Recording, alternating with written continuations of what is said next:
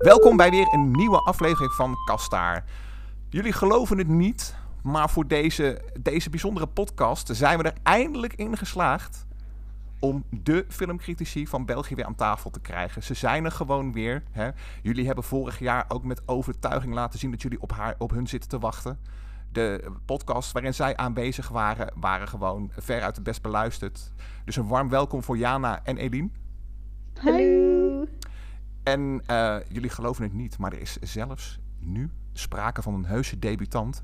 Jullie hebben wellicht zijn uh, reviews al gelezen op de website. En uh, met deze speciale podcast maakt hij zijn entree. En wie weet wel voor hele lange tijd. Een welkom voor Frederik. Hallo. Welkom, welkom. In uh, deze podcast uh, gaan we een uh, soortement van ode brengen aan Bruce Willis. De beroemde acteur is, zoals jullie misschien al weten, heeft moeten stoppen met acteren. Deels vanwege de stoornis is een hersenen afasie, die helaas vorige maand ook is overgegaan in een frontale dementie. Dus ja, de, de goede man is helaas in de laatste fase van zijn leven beland. En we kunnen nu wel met z'n allen gaan kniezen. Maar we hebben dus besloten om bij elkaar te komen. Om gewoon ja, zijn, zijn beste films nog eens voor het voetlicht te halen. Jana, Eline, wie van jullie zou willen aftrappen met haar beste Willis films? Ik zal beginnen. Eline, dus.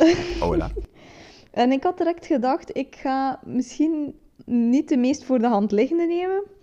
Um, omdat, ja, ik vind Bruce Willis, ik heb die eigenlijk altijd wel graag zien opduiken in films. Um, maakt eigenlijk niet uit wat voor soort film dat het was. Ik vond dat hij altijd iets, iets uitstraalde dat je, ja, dat je meteen interesseerde, dat je altijd naar hem toegetrokken werd. Dat had ik dus wel. En vandaar heb ik me misschien wat meer gefocust op... Um, ja, misschien niet de meest voor de hand liggende, of misschien wel, we gaan het zien. Um, op, op vier, ah ja, vier, oei. Op vier um, heb ik genomen uh, Looper. Wow. De film van Ryan Johnson, ik denk ook zijn, zijn laatste grote film, denk ik. Allee, echt, echt grote film. Um, ja, waarin dat hij eigenlijk, wel, eigenlijk Joseph Gordon-Levitt speelt de jongere versie van zijn personage, uh, die in de toekomst, um, ja, god, dat is een ingewikkelde film om uit te leggen, hè. Uh, Waag een poging. um, die dus teruggaat in de tijd om mensen te straffen. Um, maar op een bepaald moment uh, moet hij eigenlijk zichzelf dooddoen. Dus, zijn, dus Joseph Gordon-Levitt moet zijn oudere versie dooddoen. Nu natuurlijk, Bruce Willis zou Bruce Willis niet zijn, mocht hij niet kunnen ontsnappen. En uh, Joseph Gordon-Levitt moet dan zijn eigen achterna zitten eigenlijk. Um, ik, vond dat dus op zich ook wel nog een actiegedreven rol voor Bruce Willis. Maar toch zit er ook een emotioneel aspect aan. Um, met zijn vrouw en zo en de, het leven dat hij achter hem heeft moeten laten. Uh, dat ik toch zo wel iets had van, ja ja, hij heeft het nog. Oeh, oké, okay, oké. Okay. Heeft iedereen die gezien eigenlijk? Ja, ja, ja. ja. Ah, ja. ja. Nee, ja, jij zeker, dat weet ik. nee, oké, okay, voilà. nee, vandaar, kijk, nummer 4, Looper. Mm -hmm. um, nummer 3, ik vond eigenlijk de, de humoristische kant van Bruce Willis eigenlijk ook wel te smaken. Dus daarom heb ik op 3 gekozen voor Death Becomes Her. Um, ja, Oh, ik, de naam van de regisseur ontsnapt me nu even. Um, maar ja, de film over, over uh, onder andere Cher. Uh, met Meryl Streep toch ook? Meryl Streep. En... Wauw. Het, het gaat weer goed vanavond met, uh, met mijn geheugen. Goldie Hawn. Goldie Hawn, natuurlijk. Ja, die... die ja, en hij, Bruce Willis, speelt dan eigenlijk een beetje ja, het, het lief van alle drie op een bepaald moment. En mm-hmm. um, ja, die natuurlijk, zij zijn onsterfelijk. Um, gemaakt door een spreuk. En, en hij zit daar zo wat tussenin. En ja, het is zo echt een rol waarin dat hij alle kanten op gaat. Serieus, een beetje eng soms, maar ook ludiek.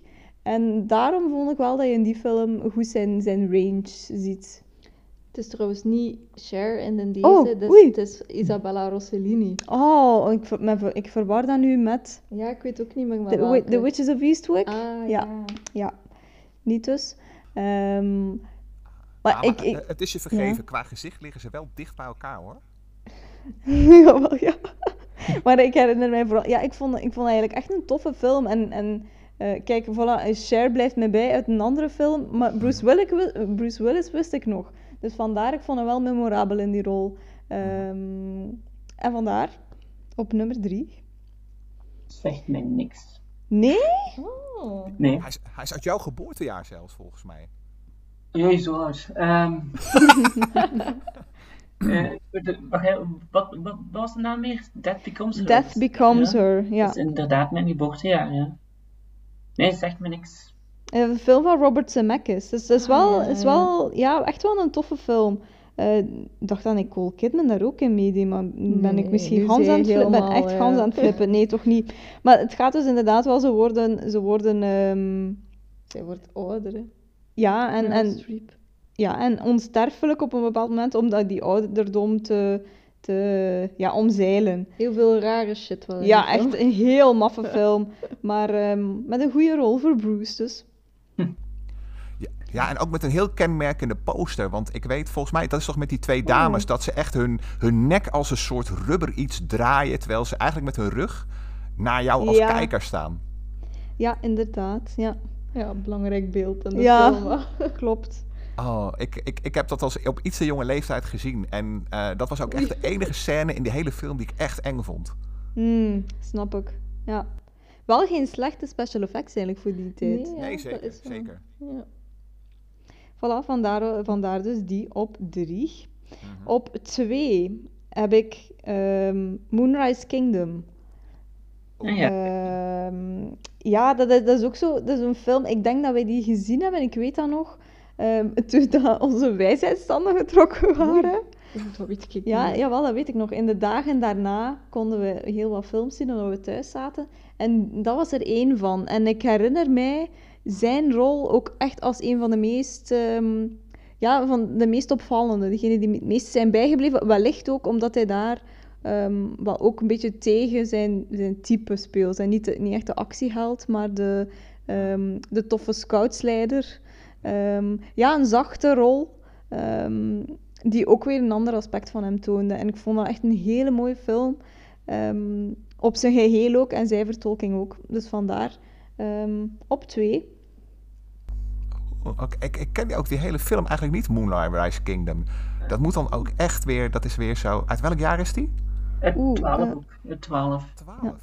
Dat is een eh, Wes Anderson Ja, film ook. ja, dus dat is soort, ook wel typisch en, en de stijl van, Wen- van Wes Anderson. Dus Ja. eh zegt al veel. Dus met dan Ja. de typische cast plus Bruce Willis in deze keer. Ja. Ja, zo, echt een, een, ja, zo'n een ingetogen film, een zachte film, een beetje alle kanten op ook soms, maar, maar zijn rol herinner ik mij heel goed. Ehm, tijd dat ik die nog eens daar bekijk eigenlijk. En dan? En dan nummer één, Nummer 1. cliché, heel cliché, maar toch Die Hard. Oh, maar zoals je, eh, de luisteraars hebben dat natuurlijk niet helemaal meegekregen, maar eh, onze kerstverse debutant, die was toch wel redelijk eh, streng over Die Hard. Dus de vraag is nu, welk nummer? Oh, de eerste. Oké, ja, heel goed, ga door. Ja, eh, het is eigenlijk volgens mij, ik weet, Die Hard 2 heb ik sowieso gezien. 3, dat was die met Samuel L. Jackson, hè? klopt. Ja. 3 heb ik dus ook nog gezien, 4 en 5 niet meer. Jawel, jawel. Oeh, we hebben jawel? daarvan is denk ik waarin dat Jai Courtney zijn zoon speelt. Hebben we dat gezien? En die hebben we gezien. Oei. maar Dat is zo... de vijf. Dat is de vijf. Ah, is dat Ah, vijf ah. al? Oei. Dan Ja. hebben we misschien vier ook wel gezien. In maar... vier is met de dokter. Ah, dat Ah, hebben dat we hebben we ook gezien, ja. ik. Oké, oh, dat- allemaal. ja. Ja, maar niet Ah. memorabel genoeg. Nee, voilà, dat wist ik tot dit moment niet meer, dus... eh, Nou, pas op, hè. In, in de vierde wordt er een helikopter in neergehaald met een combi omdat de kogels op zijn. De, me- memorabel is, is, is discutabel, denk ik. Ja, ja, ja. ja. Kijk, maar... Maar voor mij blijft het, toch, blijft het toch de eerste. Eh, ja, natuurlijk ook wel een klein beetje door, ehm, door Alan Rickman. Laat ons eerlijk zijn, die daar zo'n fantastische rol heeft. Maar ook gewoon, ja, die Bruce Willis, die, die steelt... Hij is een hoofdrol natuurlijk, maar toch steelt hij de ganse film. Ehm, ja, het was het soort, het soort actie dat, dat tot op de dag van vandaag een klein beetje zijn handelsmerk ook wel is gebleven. Ehm, maar daarin toch het, het meest puur was, denk ik. Ja, was het ook niet zijn eerste grote film zelfs, denk ik. Wel, ja, hè, het, Ik denk dat je het wel mag ja. zeggen, ja. ja, het blijft mij ook zo bij. En dan, komt dan kwam hij dan inderdaad meteen dat actieveld op, opgestormd. Ehm, en dan later heeft hij toch kunnen bewijzen dat, er, eh, dat hij meer kon doen. Maar toch, het blijft een iconische film, vandaar. Op één. Nou ja, ja, meer dan begrijpelijk natuurlijk. Want even kijken, zijn eerste grote rol na Die Hard was natuurlijk Look Who's Talking.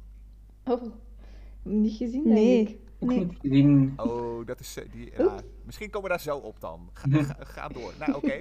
Op zich wel een hele mooie lijst, al zeg ik het zelf. Ik heb nog een klein bonusje, als ik mag. Ja, gaaf. Een honorable mention.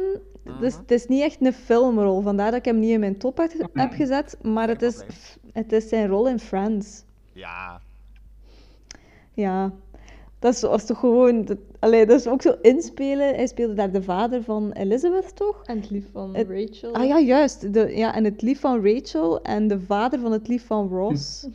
Ehm, en dat is ook zo clever ingespeeld op zijn persona als de, de, ja, de actieheld, dus een beetje de kwaaien. Ehm, maar dan blijkt hij toch heel onzeker te zijn als man. En ik vond dat ook, dat, dat is eigenlijk zijn twee sterktes wat gecombineerd. Ehm, geniale rol. En ja, ik moet er altijd, ik moet er altijd aan, ehm, aan denken als ik eh, Friends zie en als ik hem zie van, oh, fantastisch gedaan. ja eens, eens. Het, eh, eh, het is ook dat kwetsbare moment natuurlijk wat hij heeft als ze in die blokhut zitten. Ja, Oh. Ja. Ja, ik, ik, ik heb het ook. Ik moest er dus ook weer aan denken, overigens, los nog van deze podcast, omdat ik vrij recent de biografie van Matthew Perry heb gelezen. oh ja. En daar komt hij dus ook zijdelings in voor, omdat eh Mm. na de rand wordt hij natuurlijk, wordt Perry, wordt door Willis min of meer meegenomen eh, eh, naar de film, zeg maar. Hè? Dan krijg je de whole nine yards Ja. Omdat Perry toen natuurlijk gezien werd als een groot komisch talent. En eh, in die biografie beschrijft Perry ook het verschil tussen ehm, hem en Willis. Omdat Willis was, eh, ze konden allebei zeg maar goed feesten. Hè? Ze hielden allebei van een pintje, maar Willis die stopte op een gegeven moment. En eh, waar Willis stopte, ging Matthew Perry nog een paar uur door met het drinken van pintjes en whisky en dat soort dingen. Eh, eh, totdat eigenlijk ja, die man zo ongeveer naar de set getakeld moest worden. Dat ze die film hebben afgemaakt, zonder in spoilers te vervallen, is, eh, is echt een wonder. En eh, eh, even los, los van dit alles, als je een, een, een, een, een tragisch boek wil lezen waarbij ehm, je zin hebt om Friends opnieuw te gaan zien, en wat ook nog deels samenhangt met Bruce Willis, nou dan is de biografie van wel een aanrader, maar je wordt er wel ontzettend depressief van. Maar dat geheel, maar dat geheel terzijde. O, overigens komt, ja, overigens komt uit het boek wel Bruce Willis nog naar voren als een, een, een echt een aardige vent. Oh. Ja, dat, eh, dat, het is ook wel wat je wil horen, maar dat het, het ja, laat ik het zo zeggen, Perry verkoopt het ook heel goed. Dat eh, eh, Willis is op dat moment echt wat je wil dat hij eigenlijk is, zeg maar, qua type. Mm. Ja. Ja, daar weet ik eigenlijk niet zo echt heel veel van, van hoe dat die... Allee, als in Hollywood dan zo gezien werd, want van Tom Hanks bijvoorbeeld weet iedereen, dat, iedereen daarvan zegt dat dat world's nicest man is, maar van Bruce Willis nooit zo echt veel verhalen gehoord Nee. eigenlijk. Maar dat is misschien juist het positieve. Hè. Mm, Precies, ja, precies. ook waar. Ja, het was iemand dat je altijd wel, die er altijd gewoon was, hè. Ja. Allee, zo... De, en de laatste jaren natuurlijk iets, iets minder prominent in de, in de filmwereld of zo, maar, Hmm. maar toch altijd... Dat, dat was eigenlijk ook wel nog echt een beetje een, een filmster, hè. Niet van het kaliber van Tom Cruise, dat zeker niet, maar toch... Hmm. Dat was, eh, ik denk, als je vroeg aan iemand in, op straat wie is Bruce Willis, dat ze wel zouden kunnen zijn, ah ja, dat is die een acteur. Mm. En dat vandaag de dag is dat ook niet meer zo evident. Mm. Nou ja, hij heeft natuurlijk inderdaad wel eh, eh, een periode lang heeft hij zich Mm. natuurlijk qua eh, high-profile films wel Ja. aardig kunnen meten met diezelfde Cruise. Mhm. Maar zoals, een zoals ik een cynicus hoorde zeggen, of la- las eigenlijk op het internet, die zei van nou, als je kijkt naar zijn filmkeuze in de laatste twaalf jaar, dan denk je toch dat die dementie al veel eerder was ingetreden. Want hij, ik, ik zeg eerlijk, hij was niet van mij, maar ik snapte hem helaas wel.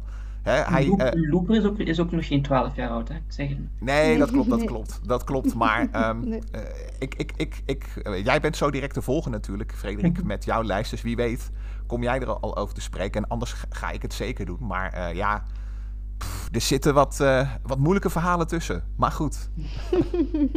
we, we gaan hem vieren, we gaan hem vieren. Ja. Maar goed, mijn, eh, mijn nederige dank eh, voor jouw bijdrage sowieso. En eh, nou ja, we hebben zijn naam al genoemd. eh, meneer Frederik, kom er maar in. Ja, ik zal ook mijn eh, een top 4 geven om te beginnen. Er is er maar eentje dubbel met, Jana, eh, met Eline. Hm? Ehm, en ik heb ook maar één film met Bruce Willis met haar. Dat is direct ook nummer 4. Dat is Die Hard with a Vengeance. Mhm. Hmm, Dat is voor mij de beste Die Hard. Dat is de Omdat tweede dat- toch? Nee, de derde. Oh, oh. ja. Vooral, ehm, die, die is ook niet geschreven als een Die Hard film. Misschien dat ik hem daarom de beste vind. Weet niet. Hmm. Dat is oorspronkelijk was dat een script als vervolg op, ehm op Little Weapon. Ah. En dat is dan niet doorgeraakt. En dan hebben ze daar maar gewoon een Die Hard film van gemaakt. Je merkt dat een beetje aan de sfeer dat dat toch Mm. wel eerder een Little Weapon film was dan een Die Hard film. En ik vind dat gewoon de leukste van de drie. Ook gewoon de, de, de verbinding met de eerste Die Hard is, is duidelijker dan een Die Hard 2, vind ik. Mm. Eh, dus dat ma- maakt het zo als deel van, van een reeks in- interessanter, omdat je eigenlijk alle films voor, voor de rest redelijk los kunt zien. Terwijl in deze, de, motiv- de motivatie van de slechterik hangt echt wel vast aan de eerste film, dus dat maakt het ook wel leuk, vind ik. Ja. En, eh, ja, en Samuel L. Jackson natuurlijk, en dat is altijd een meerwaarde. Mhm. Ja, met, met natuurlijk de iconische scène dat hij met een bord om zijn nek met Ja. de spreuk I hate niggers in een zwarte wijk in Amerika rond gaat lopen. En dan kennis maakt met Samuel L. Jackson, die dan toch wel iconisch zegt van... Oh mijn god, die man wil gewoon dood. Oeh, dat kan ik me niet herinneren. Ja, dat, dat is echt, dat is echt, oh, dat is echt de grote opener. En ik weet toen ik, ik, ik zag dat de eerste keer. En ik zat echt met gekromde tenen te kijken. En denk, oh, en je weet exact wat er gaat gebeuren. En het gebeurt ook, maar het werkt wel. Ja, inderdaad. Dus dat is een heel sterke scène, ja, als opening. Ik, ik vind het overigens wel een verrassende keuze. Want ik, eh, ik vond het zelf ook een leuke film. Maar je hoort ook van heel veel mensen juist die eh, het derde Die Hard juist meer als een breuk beschouwen. Dat kan. Ja, het wijkt inderdaad af van de eerste twee. Hmm. Maar dat is een beetje You Love It or You, or you Hate It. Eh, ik vond dat juist een, een verademing, omdat ik Hmm. misschien niet zo'n grote fan ben van dat meer heisty ding van de eerste twee. Hmm. Ja, meer op één, één, één, één locatie ding. Ja. Eh, ik vond dit, dit gewoon leuker en iets meer vooruitgaan. Ehm meer verhaalgedreven ook eh, dan de eerste twee. Mhm. En dat, dat, dat is een persoonlijke keuze. Maar ik, ik, ik vond dat dan juist en de leukste van de drie. Oh ja, van de vijf uiteindelijk. Dus daarmee, maar ik, ik snap wel dat het voor sommigen als breuk beschouwd wordt, ja. Ja, en, ik vind, en ook de invalshoek met Lethal Weapon. Ik zie het zelf niet, maar ik moet zeggen, je maakt me wel nieuwsgierig om hem nu weer te gaan kijken. Ja, dus eh, je gaat er anders naar, naar kijken in, in ieder geval. dus, Hmm. eh, en dan moet je je afvragen wie zou in Little Weapon dat bord gedragen hebben. ja, nou ja, Mel, Mel Gibson natuurlijk. En dat zou een paar jaar later heel, een hele bijzondere subtekst gaan krijgen. Ja. Inderdaad. Eh, Oké, en dan op nummer 3 heb ik Lucky Number 11 staan. Oh, oh, die hebben we ook nog niet gezien. Ik Nee. weet niet of dat per se de beste is, maar ik heb daar gewoon goede goede herinneringen aan. Op, op, het Mm. goede, op het goede moment gezien waarschijnlijk. 15, 16 was met de jeugdbeweging of zo. Ehm dan heb ik ehm, een rol, eh, een film waar Bruce Willis niet echt de, hoofdrol, niet echt de hoofdrol speelt. Ehm, Mhm, de hoofdrol is voor eh, Josh Hartnett, die ik ook altijd graag heb. mhm. En het gaat er eigenlijk over, ehm Josh Hartnett is gewoon een 20-something kerel eh, in New York die ehm, eigenlijk door twee verschillende maffiabazen gebruikt wordt om die er eigenlijk schulden bij heeft, maar eigenlijk niet. Is ze denken dat hij een andere persoon is en nee, er gebeurt van alles. En Bruce Willis zit een beetje in dat verhaal verweven. Het is eigenlijk een soort van eh maffia-wraakverhaaltje. Ehm, wat wel redelijk goed ineen zit. eh film met een twist. Zo zijn er wel een paar eh, in zijn palmares. Ehm, maar het is vooral, ja, het is een leuke actiefilm en de, en de twee slechteriken eigenlijk. Dus je hebt een, een soort Joodse maffiahuis en een, ehm, en een meer, uh, ja, een meer klas, klas, en, en klassieke gangsterhuis. En dat is eigenlijk uh, de, de, het klassieke gangsterhuis wordt, is, de, is de dom of de baas, omdat ik moet noemen, is Morgan Freeman. Dus is ook is altijd leuk om Morgan Freeman als slechterik te zien. En het hoofd van die uh, Joodse familie is Ben Kingsley. Dus er zijn wel twee ook wel ja. bekende namen dan als, als grote guys. waar dan eigenlijk een Josh Harrington tussenin zit. En dan eigenlijk ook nog wel een Bruce Willis een belangrijkere rol heeft dan je initieel zou denken. En, Mm. oh, ja, nu wel mis, hij heeft daar ook een beetje haar in, in bepaalde scènes. Er zijn flashback scènes met haar. Dus het zijn toch, toch in twee Oké. films waar het maar een haar heeft. Je je redt je er weer goed uit nu, heel goed. Ja, Ben ik wel ja, benieuwd. dus, uh, ook een film van 2006, denk ik, of 2005. Iets gaat daar iets in. Mm. Ja, rond die koers. Ehm, dus ja, dat, dat is zeker wel eh, een leuke actiefilm.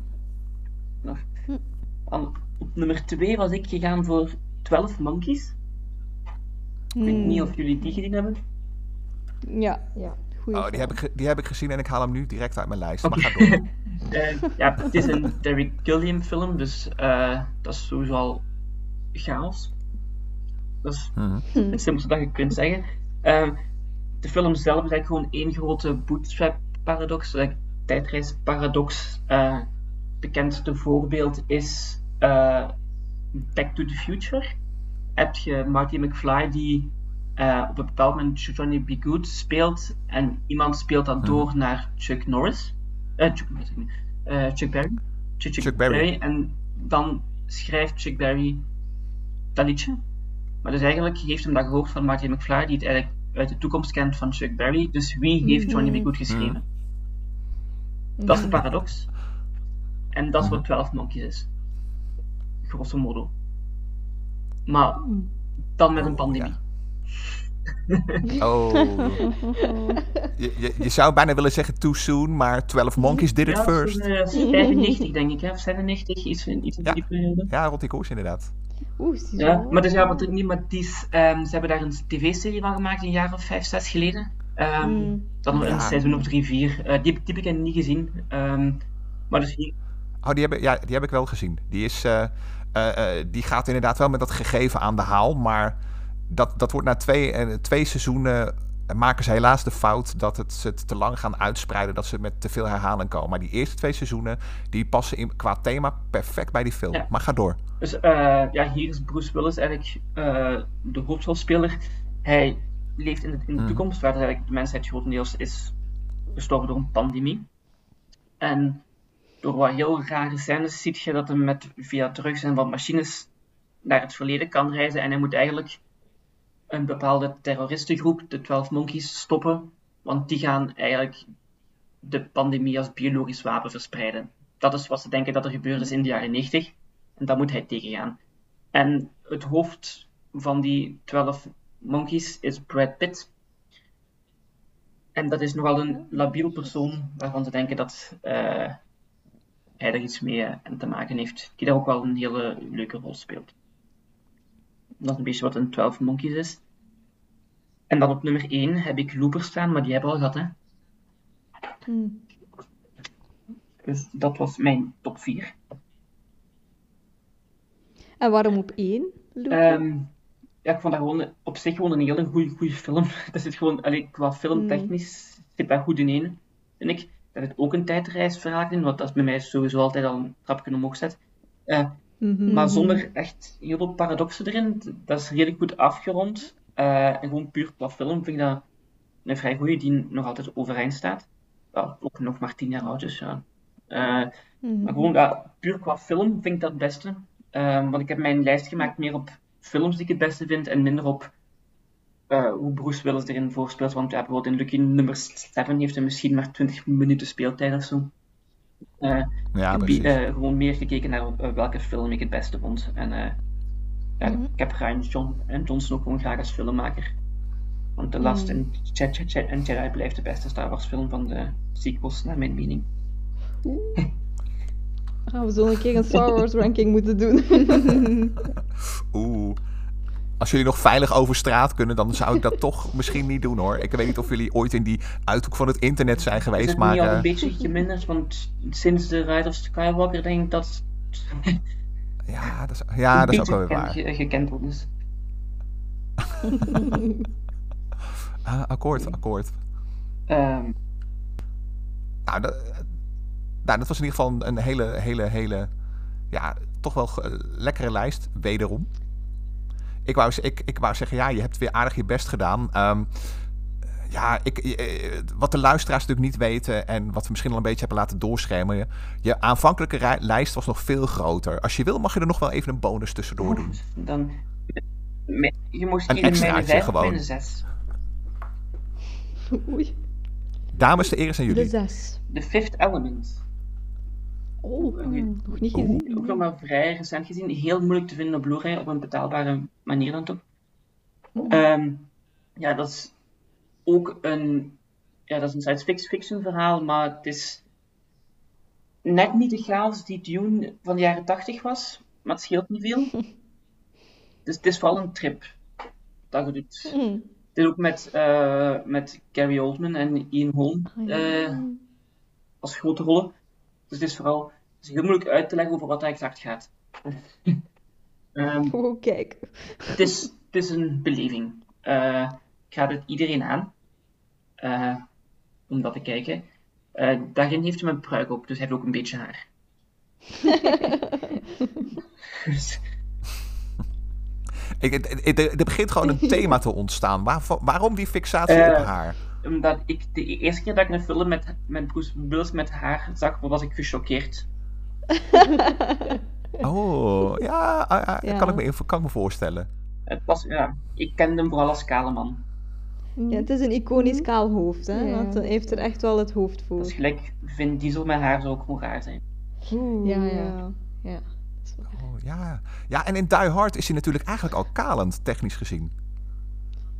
Vanaf, Mm. vanaf de drie heb je de grote inhammen, Ja. hè, de typische. en dan vier en vijf, ja, dan is eh, kaal, net, net zoals de film zelf ook. hè. Oeh. Mooi, mooi. Ik denk in Death Becomes Her had hij ook haar, denk ik. Eh, Ah ja, in- hè? ja, want Die waarschijnlijk. Hard 3 is van, is van 93 of 94, denk ik. Dus Hmm. ta- tijdlijngewijs klopt dat. Ik weet nu niet of, Geen ik, ik weet nu niet of hem ooit zo kaal gaan en dan even terug haar en dan terug gaan, dat weet ik nu niet. Geen idee. Misschien nog een, in- nog een interessante oefening. Oh, we zetten het in de show notes, dames en heren, mochten we het ontdekken. Ja. Oké, top. Nou, dankjewel voor deze, deze, deze verse bonus. Eh, ja, wat ik al zeg, het was het, fantastisch. Ik, ik, ik, ik was ook wel een beetje geïntimideerd door het enthousiasme wat je alweer vertoonde. Want eh, het aantal lijsten wat ik voorbij heb zien komen, wat je zijdelings noemde, was zeer indrukwekkend. Dus ja, ik kon het ook gewoon niet maken om in ieder geval niet op zijn minst erop te wijzen dat het mocht. Want, eh oeh, impressive. Goed, ehm, dan hebben we nog eh, twee lijstjes te gaan. Jana en de mijne. Ik, eh, ik kijk naar jou, Jana. Als je wil, dan mag je hem al doen. Of zeg je nou, ik bewaar de mijne voor het laatst. Nee, nee, we gaan, we gaan de uwe voor het laatst houden. Dat is eh, mooi om af te sluiten, denk ik. Oké. Ehm, eh, goh, ik twijfel nu welke volgorde dat ik ze moet doen, want er zijn er ook, het zijn er eigenlijk al twee vermeld. Dus ik ga misschien gewoon van een andere, van een andere richting beginnen. Eh, om het even op te switchen. Ehm, ik had op één ook Looper, ehm, omdat ik dat zelf ook de beste vind. En ik vind ook het feit dat eigenlijk Joseph Gordon-Levitt er make-up had om eruit te zien als Bruce Willis, vond ik al een teken van hoe belangrijk dat Bruce Willis eigenlijk was voor die film. Dus eh, ja, daarom dacht ik, die verdient wel één. En ook, zoals dat Frederik zei, gewoon omdat dat ik dat wel de beste vind, uiteindelijk. Ehm, op twee had ik dan ook de eerste Die Hard. Eh, ja, om de redenen die al vermeld zijn, dus die ga ik niet herhalen. Maar dan heb ik drie andere. Allee, ja, ik had hier vijf opgeschreven, maar ik, ik gun mezelf die keuze omdat de eerste twee al vernoemd waren. Ehm, dus ik neem even een eh, ongesanctioneerde omloop. Ehm, dus ik had op drie eh, Red. Die was van 2010, denk ik. En dat was eigenlijk een soort actiecomedie. Eh, ik kan me eigenlijk ook vooral Helen Mirren Mhm. in die film herinneren, maar ik weet wel nog dat ik hun samen daarin echt goed vond. Want ja, het is ook zo meer een actiecomedie. Oké, eh Die Hard was ook wel grappig op sommige momenten. En ik denk in de latere, latere zijn die nog grappiger geworden, als ik het me goed kan herinneren. Eh, maar dat was wel echt zo eh, ja, een goede combinatie. En dat ging er ook compleet over. Ik kan me zo nog van die slow motion beelden herinneren, wanneer ze zo uit een auto hangen om te schieten en zo van die dingen. Ehm, dus die is mij wel bijgebleven. Ik, vond, ik heb me daar wel mee geamuseerd met die film. Ik weet niet of dat jullie die gezien hebben.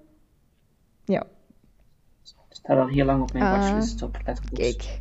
De perfecte moment. Ja, hij, het hij is ook losjes gebaseerd op de gelijkname comic van eh, Warren Ellis en, en, en Cully Hammer. Die overigens bijna niks met die film van doen heeft. Want de film op zich, Mm. eh, eh, even los daarvan, wat ik op zich wel een, een Mhm. redelijk origineel uitgangspunt vond, is dat hij ook een beetje gaat over een vorm van eigenlijk leeftijdsdiscriminatie. Ah, ja. Maar goed, eh, pak hem vlug over, Jana. Ja, nee, ja. Maar het, is, eh, het is ook lang geleden dat ik hem nog eens gezien heb. Dus eh, eh, ja, ik wil hem ook wel nog eens herbekijken. Ehm, dus ja, we gaan hem allemaal samen opnieuw ontdekken. Eh, en dan op vier had ik eigenlijk, eh, ja, misschien licht ironisch, maar toch eigenlijk ook weer niet, eh, Armageddon. Ehm, dat is toch wel Ja, ja, ja. Ja, toch wel allee, de ideale campfilm, zeg ik dan. Eh, ik moet nog altijd denken ook aan de... zijn zo schermen van de... ehm, hoe noemt dat nu weer? De commentary van Ben Affleck.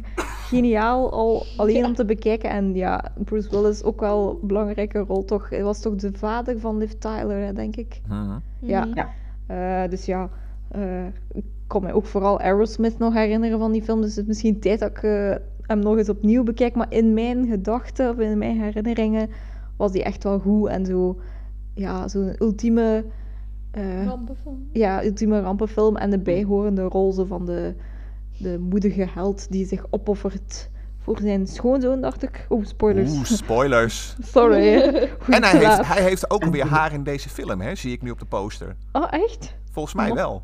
Ja, Nee, ah, ja, een beetje. Ja. oké. Het moet langer dan 2 centimeter zijn. ja dit is wel langer dan 2 centimeter. Het is de overgang van, eh, van Die Hard naar Kaal. Dus rond de millennium wissel dan. Dan weten we dat ook weer.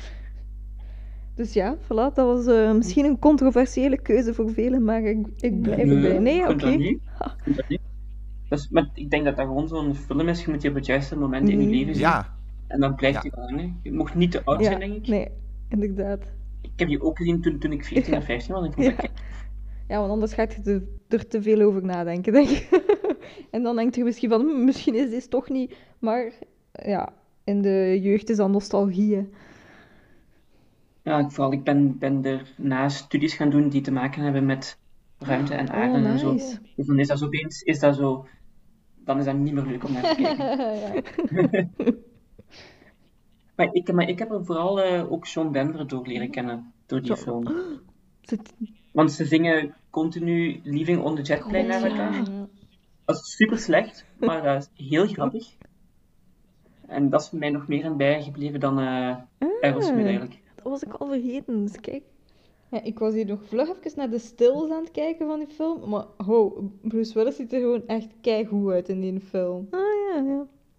We zullen hem toevoegen in het artikel. Ja, hier echt ene stil. Ja hoor, jawel. Want ik denk dat eigenlijk dat Ben Affleck in die film, dat we ondertussen bijna te oud zijn voor Ben Affleck in die film. Niet? Was hij daar geen jonge twintiger of zo? ja, dat, ja dat, dat kan wel hoor. Want dat is, die film is van 98 en volgens mij Ja. is Affleck, is hij niet van 76 of zo? Of 77?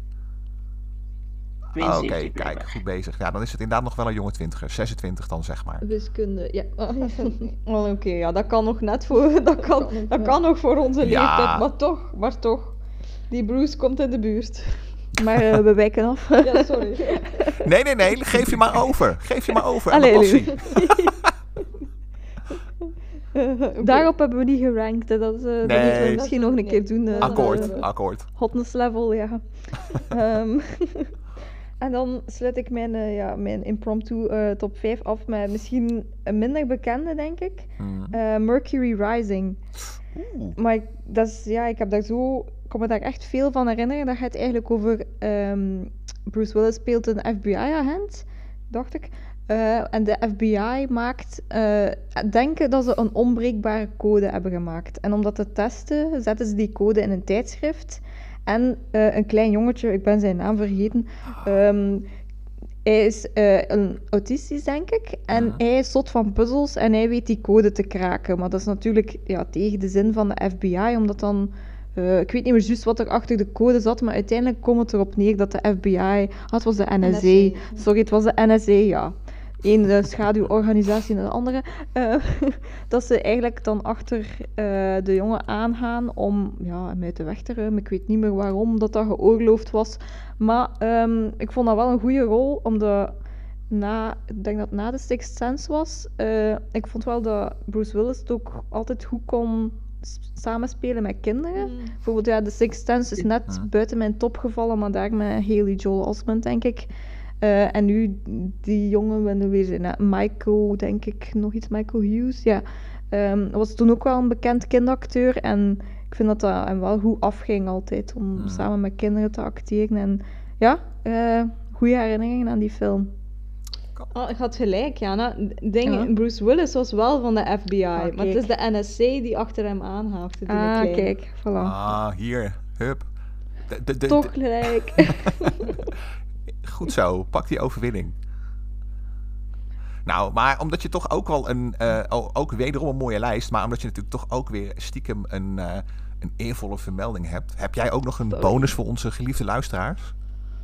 Eh, goh, voor de rest eigenlijk niet. Ja, ik had zo nog die er net buiten gevallen waren dan Unbreakable en The Sixth Sense, omdat die toch ook wel iconisch zijn, maar zo geen eh, obscure, Mhm, mhm. obscure referentie meer. Oh, maar dat is Ja. niet erg. Dat is niet erg. Het ga, als je je maar geamuseerd hebt. Het, het... Oh ja, Oh ja. Kijk, helemaal goed. daarmee zou ik zeggen, over naar jou. Oké. Mhm. Nou, dan, eh, dan straffen we af met de nummer 4. Dat is een recente. Ehm, Ik heb hem eigenlijk speciaal gekeken ook eh, toen we voor het eerst over deze podcast begonnen te bomen. Dat is een film die hij vorig jaar gemaakt heeft en die heet Paradise City.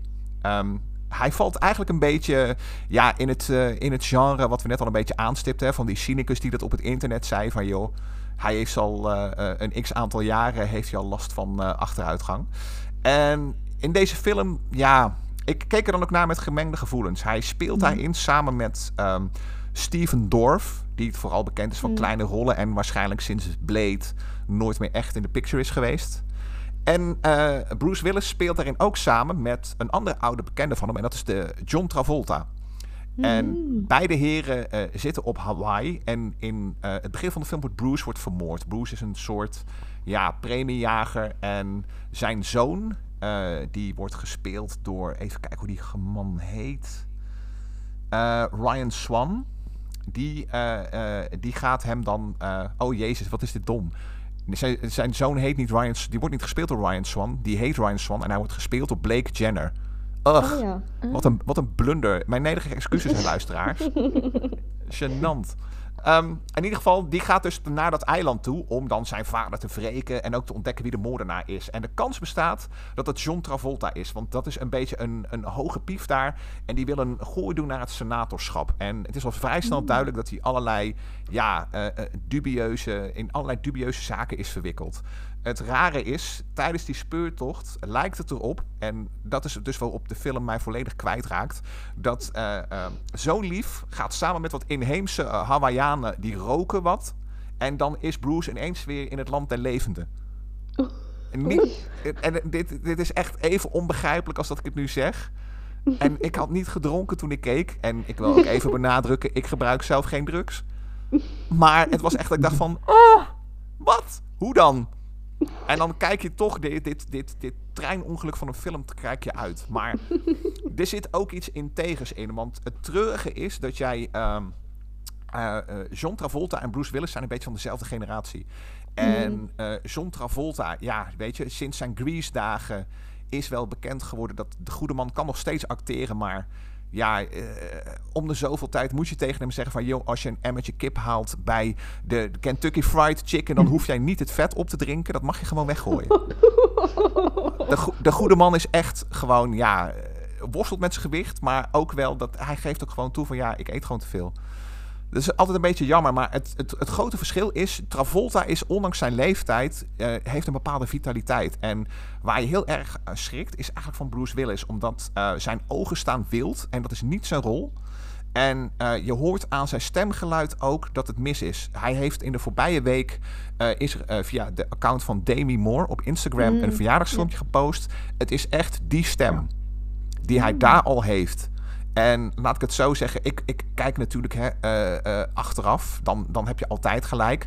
Maar ja, ik durf met iedereen, inclusief jullie, echt wel uh, de weddenschap aan dat je daar echt al kunt zien dat de goede man iets onder de ledenen heeft. En dat maakt deze mm. film ook een beetje tragisch. Mm. Maar het is ook wel zijn voorlaatste film, blijkbaar. Ja, maar, dat, dat, ja, mm. maar je ziet ook wel mm. daar helemaal van... holy shit, dat einde nadert wel. Want hij staat nog echt heel fatsoenlijk op, uh, op de voorkant, zeg maar. Maar dat, dat is niet hoe je hem ziet in de film. En mm. dat is echt, ja, dat, dat geeft deze film ook al een soort bitterzoet randje. Het, het, is echt net zo fout als dat ik zeg, maar het is ook net zo tragisch als dat ik zeg. En uh, als je het goede eert van de man, moet je ook af en toe naar het lelijke kunnen kijken.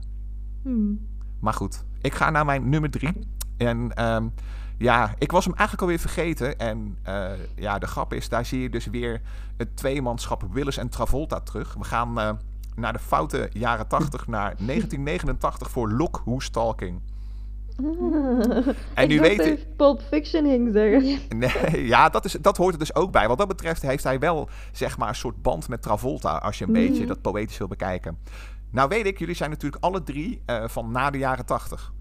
En uh, uh, ja, goed. Ik als de, de ouderdomsdeken van een geekster, ik was het toen al. Ik geef het ruiterlijk toe. Jullie kunnen onmogelijk, onmogelijk onderschatten hoe groot dat deze film was. Dit was een hit in 1989 die eigenlijk alleen werd overtroffen door Batman. Oh. En uh, als er iets jaren tachtig was, dan is het dit. En waarom? Het is een soort nasynchronisatie, zeg maar. Het gaat eigenlijk, het verhaal is eigenlijk heel simpel. Hè? Kirstie Alley speelt er ook in, overigens, voor mensen die daarvan houden. Leuke vrouwen, recent overleden helaas. Um, mm. En ook nog een andere rol voor een iets wat vergeten actrice, uh, Olympia Dukakis. Ja. Die was ooit heel groot en daar hoor je eigenlijk vrij weinig van tegenwoordig. Maar die was uh, van zeg maar jaren 70, jaren 80 en een deel van de jaren 90 zag je die vaak terugkomen. Mm -hmm. En uh, die film gaat eigenlijk een beetje over een, uh, een vrouw, accountant. En zij heeft een affaire met haar baas. En dat is een beetje een wat gluiperig type. En zij wordt zwanger. Alleen, wat gebeurt er nou? Die baas die doet eigenlijk alles om van haar af te komen.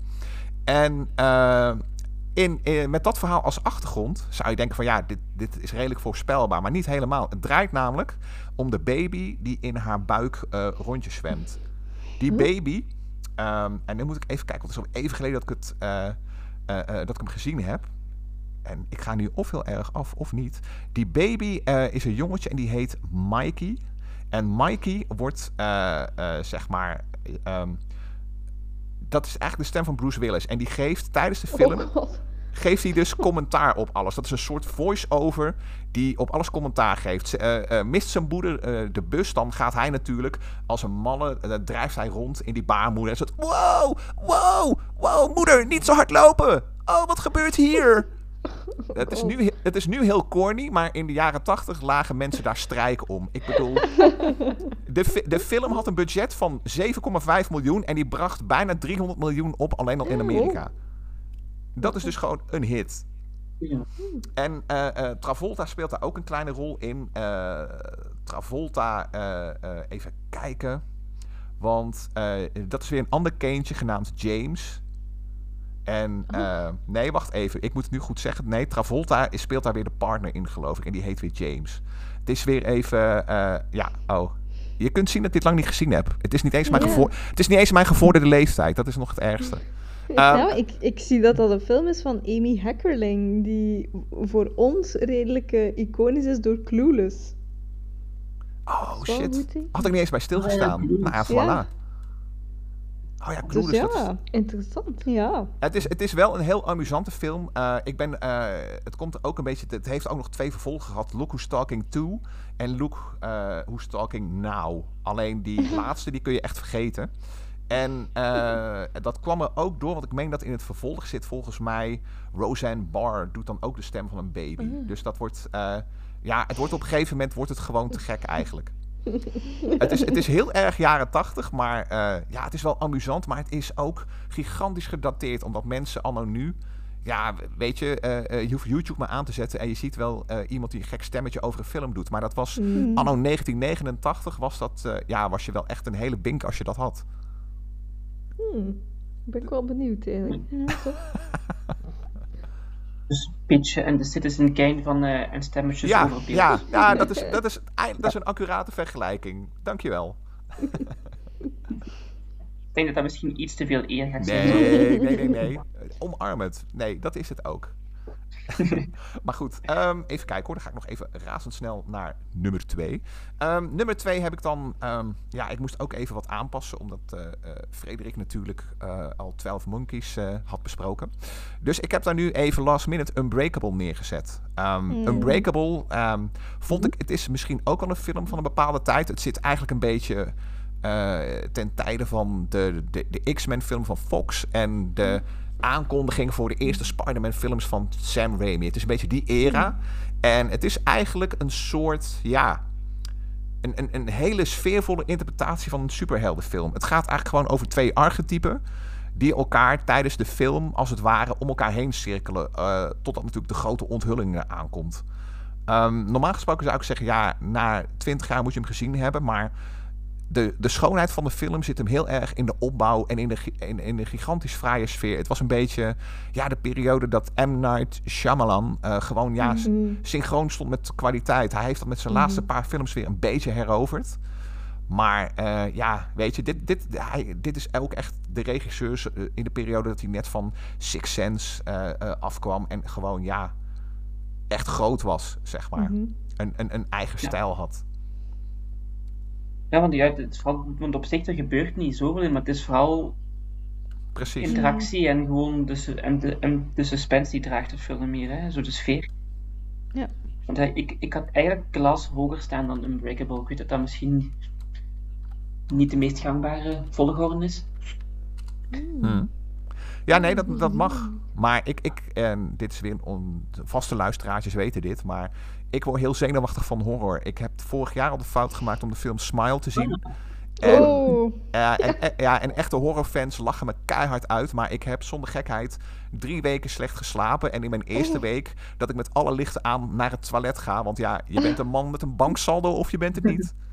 Maar, oi, ja, ik, eh, eh, ik had daar al schrik van. Laat staan van de echte toptitels in dat genre. Dus ik heb Glass heb ik eh eh voorbij laten gaan. Horror zou ik dat toch niet noemen. Het is gewoon een vervolg op Unbreakable. Hè? Hmm. Oh, want hij werd wel een beetje eh, zo ge- gepromoot, toch? Ja, ik, wat ik al zeg, ik heb hem niet gezien, dus jij weet het beter dan ik en de dames ongetwijfeld het, ook. het, het haalt wel heel de suspense van Unbreakable onderuit.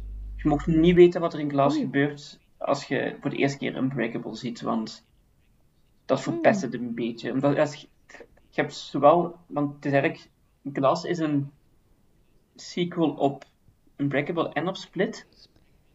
En die in eerste instantie niks met elkaar te maken hebben.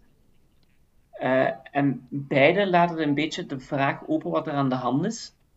En Glass beantwoordt dat. En soms is het beter om het niet te Mm. weten, dat moet ik wel ook zeggen. Ja. En dus als je Glass hebt gezien, zijn Split en Unbreakable minder leuk.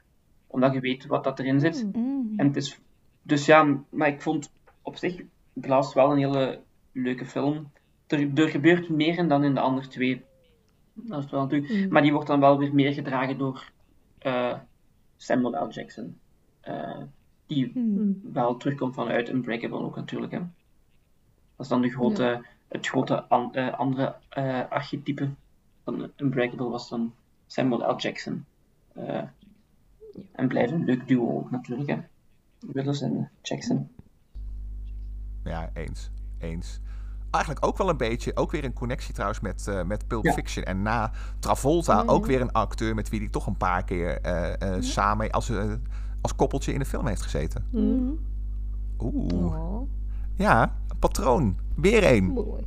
Schattig. Nou, als je 137 Bro. films hebt gemaakt, dan zult je wel met een paar acteurs een paar keer.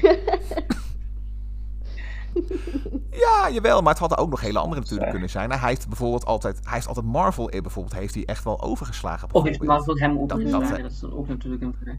Oeh, Oeh. oeh. Het kan aan twee kanten zijn, hè?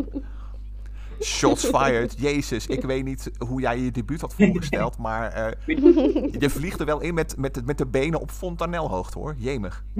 Kijk, kijk, ik weet niet hoeveel eh, kale mannen we in Marvel hebben buiten Professor X.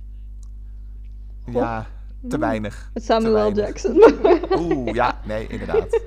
Oh. En weer, en weer zijn we terug bij het haar. Ongelooflijk. Oh ja. Ah ja, dat, dat wou ik Wat trouwens ook nog even ertussen smijten. Dat je daar juist, en nu toch ook over John Travolta bezig bent. Dat is nu de man, sorry, die ik vind die niet zo goed staat met een kaal hoofd. Hmm. Maar ik denk dat dat is omdat zijn baard nog altijd zo vol is. Ja, ja, En ik, ja. ik vind dat een te groot contrast. maar, maar dat ook terzijde. Maar het viel mij op toen ik nu de stills opzocht van, van Paradise City. Ik dacht, ja, nee, Bruce Willis zonder haar staat er toch beter mee. ja. En in Unbreakable had hij toch ook geen haar, of wel? Zo gem- gemillimetreerd, denk ik. Zo echt heel, heel kort. Ah, Unbreakable, ja, dat was nog na Armageddon, hè? Unbreakable. Denk ik. Ah, ja, ik kan me echt niet goed Ja. herinneren. ja, klopt. Twee jaar volgens mij. Dat Ja, volgens mij ja, klopt. wel. Ja, of ja, misschien echt een beetje. hij, heeft, ook veel een kap op, dus dat maakt het moeilijk in Unbreakable. Ja, ja, dat is ja. Juist. Oeh, oké, oké. Nou, dan ga ik nu voor. En ik heb een poging, weer een pathetische poging gedaan om origineel te zijn. Maar ik sta er wel achter. Mijn nummer 1. Hudson Hawk. Oei, Oei. Niemand? ken ik niet. Nee? Alle, geen van allen gezien? Oké, oh. Oeh. Nou, Nou, dan, ik, ik, ga er, verdedig je zaak. ik, ga er, ik ga ervoor zitten. Ehm, ik denk dat eh, om eh, eh, met de woorden van eh, meneer Frederik te spreken, dat je het misschien ook op de juiste leeftijd gezien moet hebben. Eh, Hudson Hawk kwam eigenlijk een beetje uit in de slipstream van eh, Die Hard. En eh, misschien moet ik ook wel zeggen Die Hard 2. En hij is eigenlijk een beetje, als we Wikipedia mogen geloven, is hij verkeerd in de markt gezet. Ehm, dat wist ik niet. Ik heb hem zelf als eerste gezien als een kind. En het is een eh, heel op zich vermakelijke film. Want eh, Bruce Willis speelt eh, samen met, even kijken hoe die gast heet. Eh, oh ja, hier. Danny Aiello speelt hij een eh inbrekers duo. En ja, het is een beetje, het zijn gewoon twee hele handige gasten. Ehm, op een gegeven moment eh, worden ze gepakt. En als ze uit de gevangenis komen. eh, overigens, Bruce Willis heeft haar in deze film. Als ze uit de gevangenis komen, dan eh, wordt hij, denken ze een beetje het, het goede pad op te gaan. Maar wat blijkt nou? Er is een enorm verbond van zijn, zijn reclasseringsambtenaar tot allerlei oude bekenden van de maffia. Die strikt het tweetal en zij moeten voor hun een groot schilderij gaan, eh, gaan, gaan stelen. Punt is natuurlijk, dat willen ze niet. Maar ja, want als ze gepakt worden, nou, dan eh, komen ze waarschijnlijk nooit meer eh, uit het gevang. Maar, wat is er nou het geval? De mensen die hem, die, of hun moet ik eigenlijk zeggen, proberen te manipuleren, worden op hun beurt ook weer gemanipuleerd. Want daar zit ook weer een soort dubieus bedrijf achter. Het is eigenlijk een beetje een, een, een soort. Ja, met een beetje fantasie kun je het zelfs nog een voorloper noemen van de Da Vinci Code, maar dan minder ingewikkeld.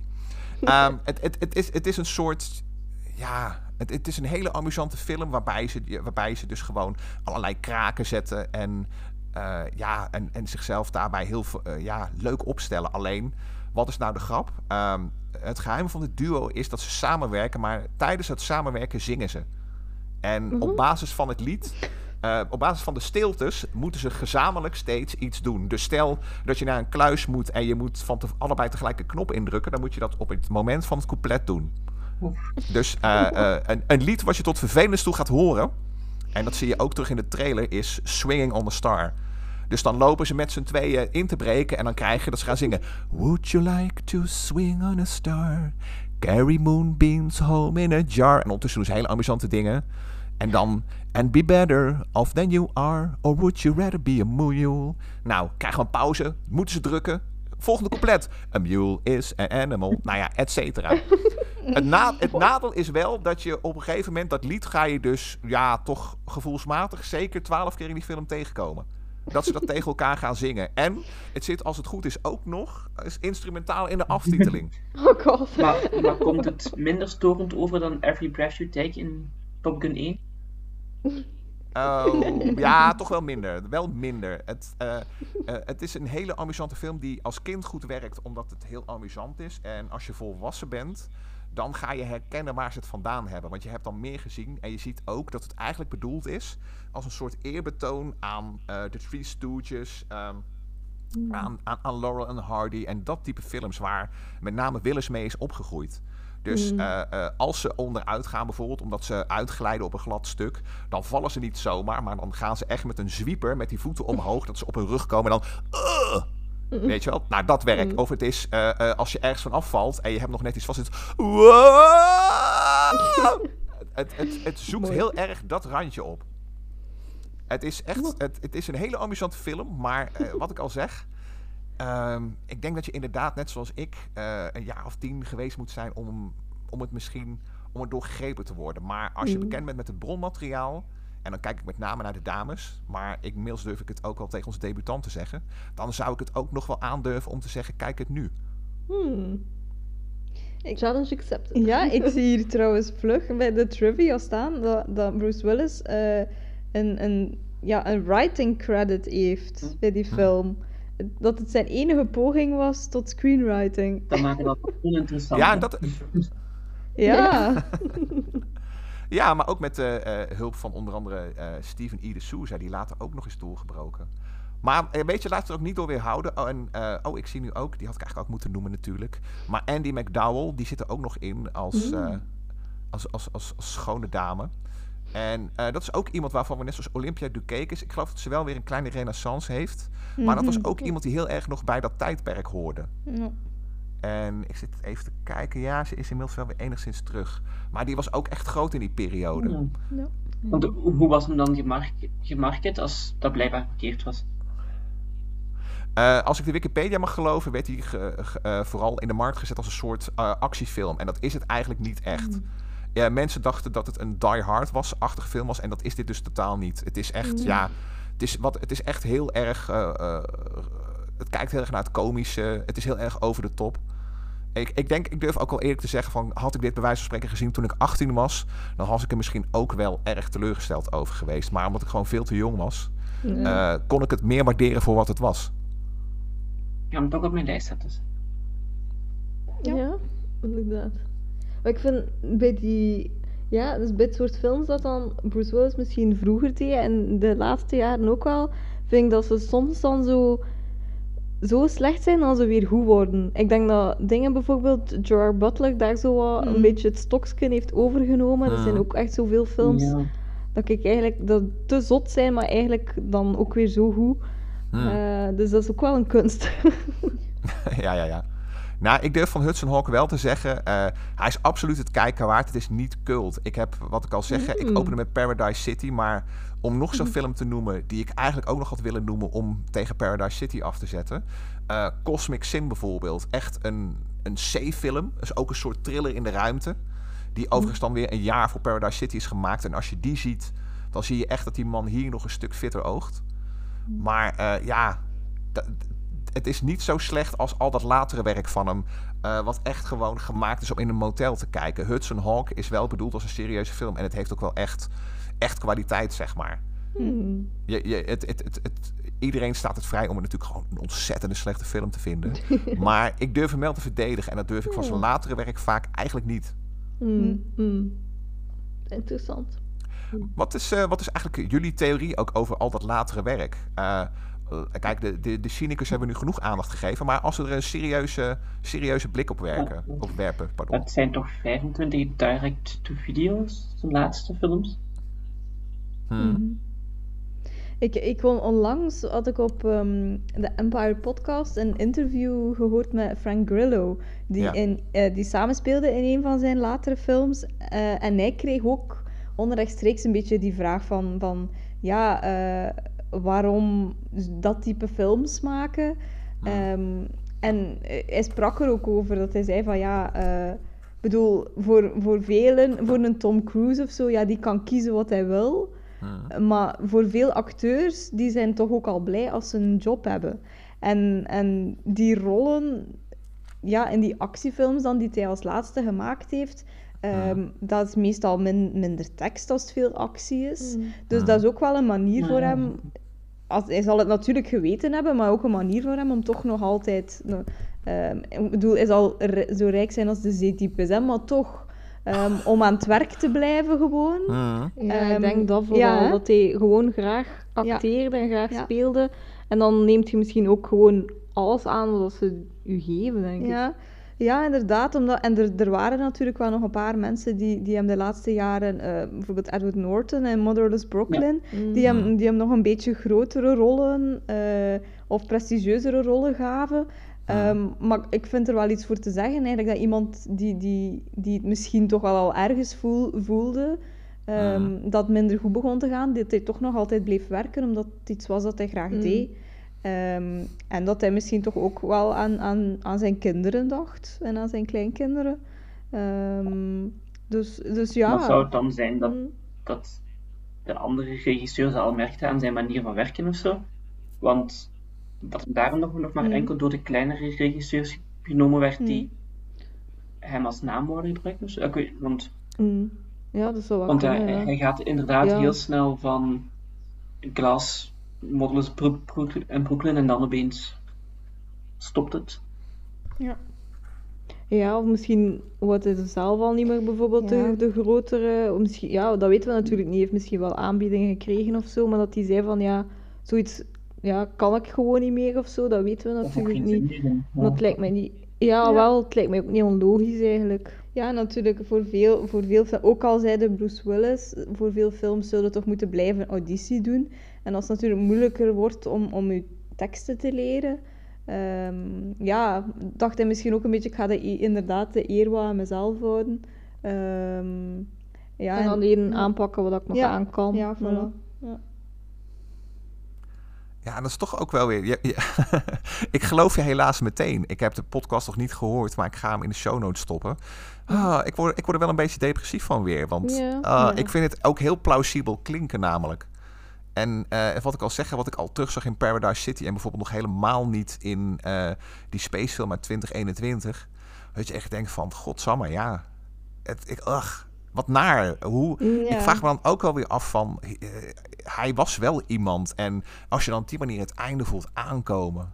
Ik, ik zou ook graag nog wel eens willen weten hoe die opnames zijn gegaan voor zijn laatste films. Mm. Dat daar misschien nog mm. iemand nog eens voorzichtig zou zeggen van, nou we hebben er wel doorheen moeten slepen, bijvoorbeeld. Ik noem maar wat, of whatever. Ja, ja we weten, allee, ik toch, ik weet er ook niet zoveel mm. van, totdat mm. al, ja, tot dat bekend gemaakt werd. En dan denkt hij wel van, oh, ja, het is, het is ook zo iemand die dat totaal niet toewenste, zo, hè. Allee, laat ons eerlijk zijn, er zijn... Uh, serieus ja. wat shady figuren in Hollywood en hij was er mm. geen van. Dus uh, ja, ik weet, ik weet wel nog dat, dat Frank Grillo in datzelfde interview het wel had over hem. En dat hij inderdaad ook naar hem opkeek. Uh, als actieheld dan ook. Hmm. Um, en ik denk, ik denk niet dat hij er... Want ja, ik denk dat het wel een interview was van vorig jaar. Hmm. Dus dat nog niet echt bekend was. Maar dat hij er ook niet, dat hij het er niet specifiek over had. Maar dat hij wel uh, het had over zijn, zijn werkethiek. En dat hij er altijd stond. Hmm. En dat is natuurlijk ook als ze het dan nog altijd over u zeggen. Ook al gaat het, gaat het niet, niet goed. Dat is toch ook iets om, om trots op te zijn dan. Ja. Inderdaad. Nou ja, het is ook vaak wel iets, en dat is dan ja, met de kennis van nu misschien ook weer, hoe zeg je dat? Het, spray, het, het, wat ze in het Engels een double-edged sword noemen. Hmm. Maar uh, het, het, is ook wel iets wat ze zeggen van ja, uh, ook van mensen die ze gewoon aardig vinden, maar die wel vaak al door het ijs zakten. Weet je wel, maar hij deed hmm. wel zijn best. Mm. Maar ja, goed, ik zeg al, ik laat me misschien ook te veel meeslepen door het depressief gevoel nu. Ja, maar het, het, het, is, het is waar. Hè. Het, is, het is iemand die, die ja, tientallen jaren uh, ja, gelijk dat ik zei, iedereen kent hem. Hmm. En dan ineens ja, kom, komt dan nieuws. Uh, dat is toch ook een beetje, denk ik, voor iedereen wel een, een herinnering dat, dat, allee, dat je nooit weet wat er op je pad komt. Hè. Dus um, ik, ik, vind dat ook niet verkeerd dat, dat we daar ook wel een keer bij stilstaan. Uh, En dat hij toch inderdaad een schoon palmarès heeft. Maar dat er veel, toch redelijk wat films zijn die, die echt overeen en die nog Dus, jaren popcultuurstandaarden gaan zijn. Hè? Nee, En John, Ja. en John Ja. McClane, die gaat je niet kunnen recasten, denk Nee. ik. Nee, Nee. inderdaad. Nee, klopt. Ja, en Ja. hoeveel, hoeveel keer zouden mensen bijvoorbeeld al... Allee, dat is nu geen zin van hem, maar zeggen, I see that people en Ja. al die Die dingen. Je mocht nog altijd niet... Ja, Ja. ook al, dat is nog... Ja, hij heeft toch echt wel serieus wat rollen achtergelaten om, eh, om mee herinnerd te worden. Allee, het is niet precies gelijk dat we... Allee, Nee, maar ja, hij- snapt hij- mij wel, maar het is toch ja, een beetje einde Hij gaat weg van, ja, hij gaat weg van het publieke leven. Hè? Ja. En inderdaad, behalve de, de dingen die we misschien nog zullen zien via Demi Moore of zijn kinderen. Ehm, ik vond, vond overigens wel een, een tof filmpje om te zien. Ik vond, vond het wel pakkend eigenlijk. Ehm, om te zien dat die familie wel echt goed aan elkaar hangt. Ehm, dus, dus ja, we wensen hem nog alle goeds toe, hè, zou ik Ja. zeggen. Ja, dat, dat, dat sowieso natuurlijk. Hij zal dit waarschijnlijk nooit horen. Dat is wel Nee. weer een beetje jammer, Bruce. Hè? Shame on you. Mocht er een, A- mocht een AI-bot meeluisteren, stuur het hem op en vertaal het even. maar ja, het, ja, precies dat, denk ik. En het, het, het is ook wel, ja, hoe zal, zal ik het dus uitdrukken? Wat ik een beetje ook wel met die Demi Moore nu heb, is dat het ook wel raar eigenlijk is dat die twee dan uit elkaar zijn gegaan. Het is eigenlijk wel heel liefdevol allemaal. Hmm. Terwijl eigenlijk als je hem bijvoorbeeld nog zag in de roast die hij een paar jaar geleden heeft ondergaan, dat Edward Norton hem nog aanpakte met eh, dat hij ooit gezegd zou hebben van ja, het is moeilijk om trouw te blijven in een huwelijk als nummer 21 nog altijd op het menu staat. Terwijl dat ik dan ook weer denk, maar dat is de romanticus in mij, je had eigenlijk de beste al te pakken. Hmm. Maar goed, dan ga je misschien ook weer oordelen over een andere. Dat moeten we ook. Of moeten. Dennis, dat moet jij gewoon eens een keer vermijden. Hou er eens mee op. Ja, sorry. So- sorry, luisteraar, sorry. Nee, maar ja. Ja, een mens wordt er, eh, hoe zeg je het, eh, mijmerend, mijmerend van. eh, Ja, filosofisch, nou ja, eh. dat, zo, dat sowieso. Ah, maar goed, op het moment dat. Ik zie Ja, nu zeg maar. pas, ik deel mijn eh, verjaardag met Bruce Willis.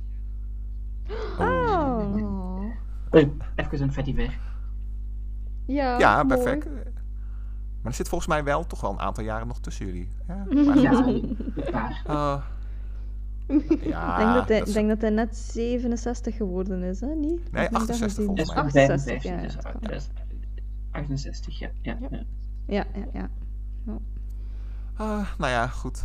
En, en om de mijmering nog enigszins positief af te sluiten. Op het moment dat we dit opnemen is het 22 maart 2023. En over iets meer als een week komt op de 31ste zal zijn laatste film uitkomen. Assassin. En eh, ja, we zullen een link naar de trailer neerzetten. Het is natuurlijk alles wat je tegenwoordig van hem mag verwachten. Het, eh, ik, ik, ik ga het proberen om het pakkend voor te lezen. A man dies as part of an experimental military program. A former Black Ops soldier takes his place to find out who killed him. Met hoofdrollen voor Bruce Willis en Dominic Purcell, die we natuurlijk kennen van Prison Oh. Break. Ja. En eh, ja, en, en, en dan ook nog heel wat mensen die. eh, geen idee wat de credits. Er speelt iemand die een, een dame die Andy Allo heet. En waar heeft zij in gezeten? Nou, dit is volgens mij ja, ook een beetje hetzelfde verhaal. Pitch Perfect 3 is haar grootste film. En wie speelt er nog meer? Hier Eugenia Kuzmina als trainer. Waar heeft zij in gezeten? nou, toch wel in knijters als eh, Spy City. Ex-First Lady. Een short film waarin ze Melania Trump speelt. En, Oh god. u, u raadt het al, Motherhood Unstressed. Wie heeft het niet gezien?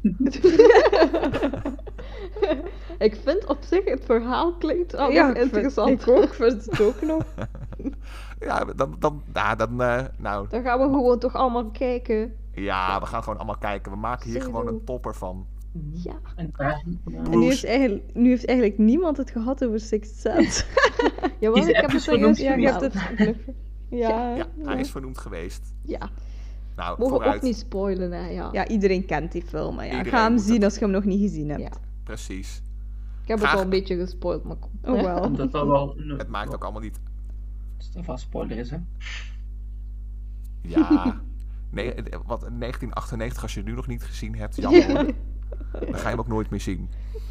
Oh ja, was ook een leuke film. Godsamme, wat... eh, ik, ik weet niet hoe het voor jullie was, maar toen ik het eenmaal zag, schrok ik me helemaal wild. Toen, toen, Ja. toen je zag hoe de vork in de steel zat. Ja, Mm. geniaal. Ja, ja, ja.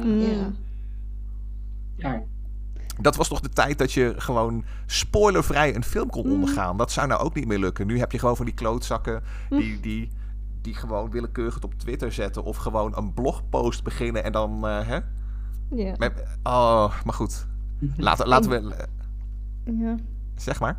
Ja, ik denk dat wij die eh, ja, ook ondertussen wel al misschien tien jaar geleden, maar toch heel laat gezien hebben. En Mm. wij wisten tot wanneer dat we hem zagen niet ehm, over wat dat ging of wat dat erin gebeurde. Nee. Dus, dus op zich hadden we... Toen lukte het nog. Wanneer was In de, dat? in de, de jaren... Maar ik denk tien, ik denk tien jaar geleden zoiets had zijn. Ja. Ehm, dat, we, nog- dat we wel al studeerden, denk ik. Mm, Dus ehm, ja, zoiets. Heel lang geen internet ge- gehad of zo. Het internet kwam net op. Nee, nee, nee, nee, nee. Zo oud zijn jullie niet. Eh, kom op. N- Ik- ik- nee, ik- ja, dat ik- was, ik denk dat dat gewoon een film was dat iedereen zodanig goed wist wat er in Mhm. gebeurde dat ze het er gewoon niet meer over hadden. En wij hadden Ah. zoiets van, mm, ja, oké. Ja, precies. God, wat goed hoor. Eh, nou, hebben we nog wat, eh, wat anekdotes over de man of zullen we voorzichtig af gaan sluiten? Eh, Ik heb niet echt nog iets te zeggen in ieder geval. Oké. Dames, jullie? Nee. Oké. Nee. Ah, nou, dan heb ik nog een heel, heel, heel kleintje. Maar dat, is alleen, dat zal misschien alleen een heel specifieke groep luisteraars weten. Maar eh, rond de eeuwwisseling is het een tijdje zo geweest. Het, het populairste tijdschrift in Nederland, dat heet eh, het Veronica Magazine.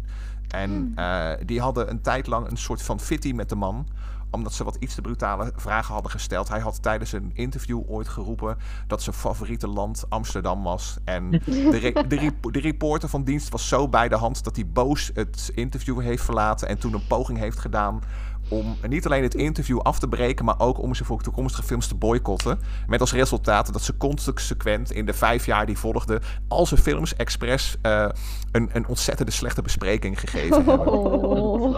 Het, het, het, het, het- is van beide kanten gewoon gruwelijk flauw. Want eh, de dame in kwestie is, eh, is, is inmiddels ook alweer heel lang vertrokken daar. En eh, die maakte er ook een sport van om het overal te vermelden als... hè, als, als het toen Instagram was geweest, dan was het van... The chick that annoyed Bruce Willis. Zoiets, weet je wel. Dus dat was... eh, dus, dus dat was eventjes zo'n zo'n zo'n uniek triviaatje voor de mensen die aan pubquizzen doen. Doe je je best, doe je best mee. Ah, maar goed, tot, tot, tot zover de beste van Bruce Willis. Mhm. Ik, eh, ik wil jullie allen danken voor jullie aanwezigheid. En ehm, ja, eh, eh, ook voor jullie lieve luisteraars. Ehm, tof dat jullie er weer waren. En eh, kijk, zet nog eens een film van de man op. Stuur hem een likeje op Instagram via zijn ex. En eh, ja, hopelijk zien we, spreken we jullie de volgende keer weer. Ciao. Bye.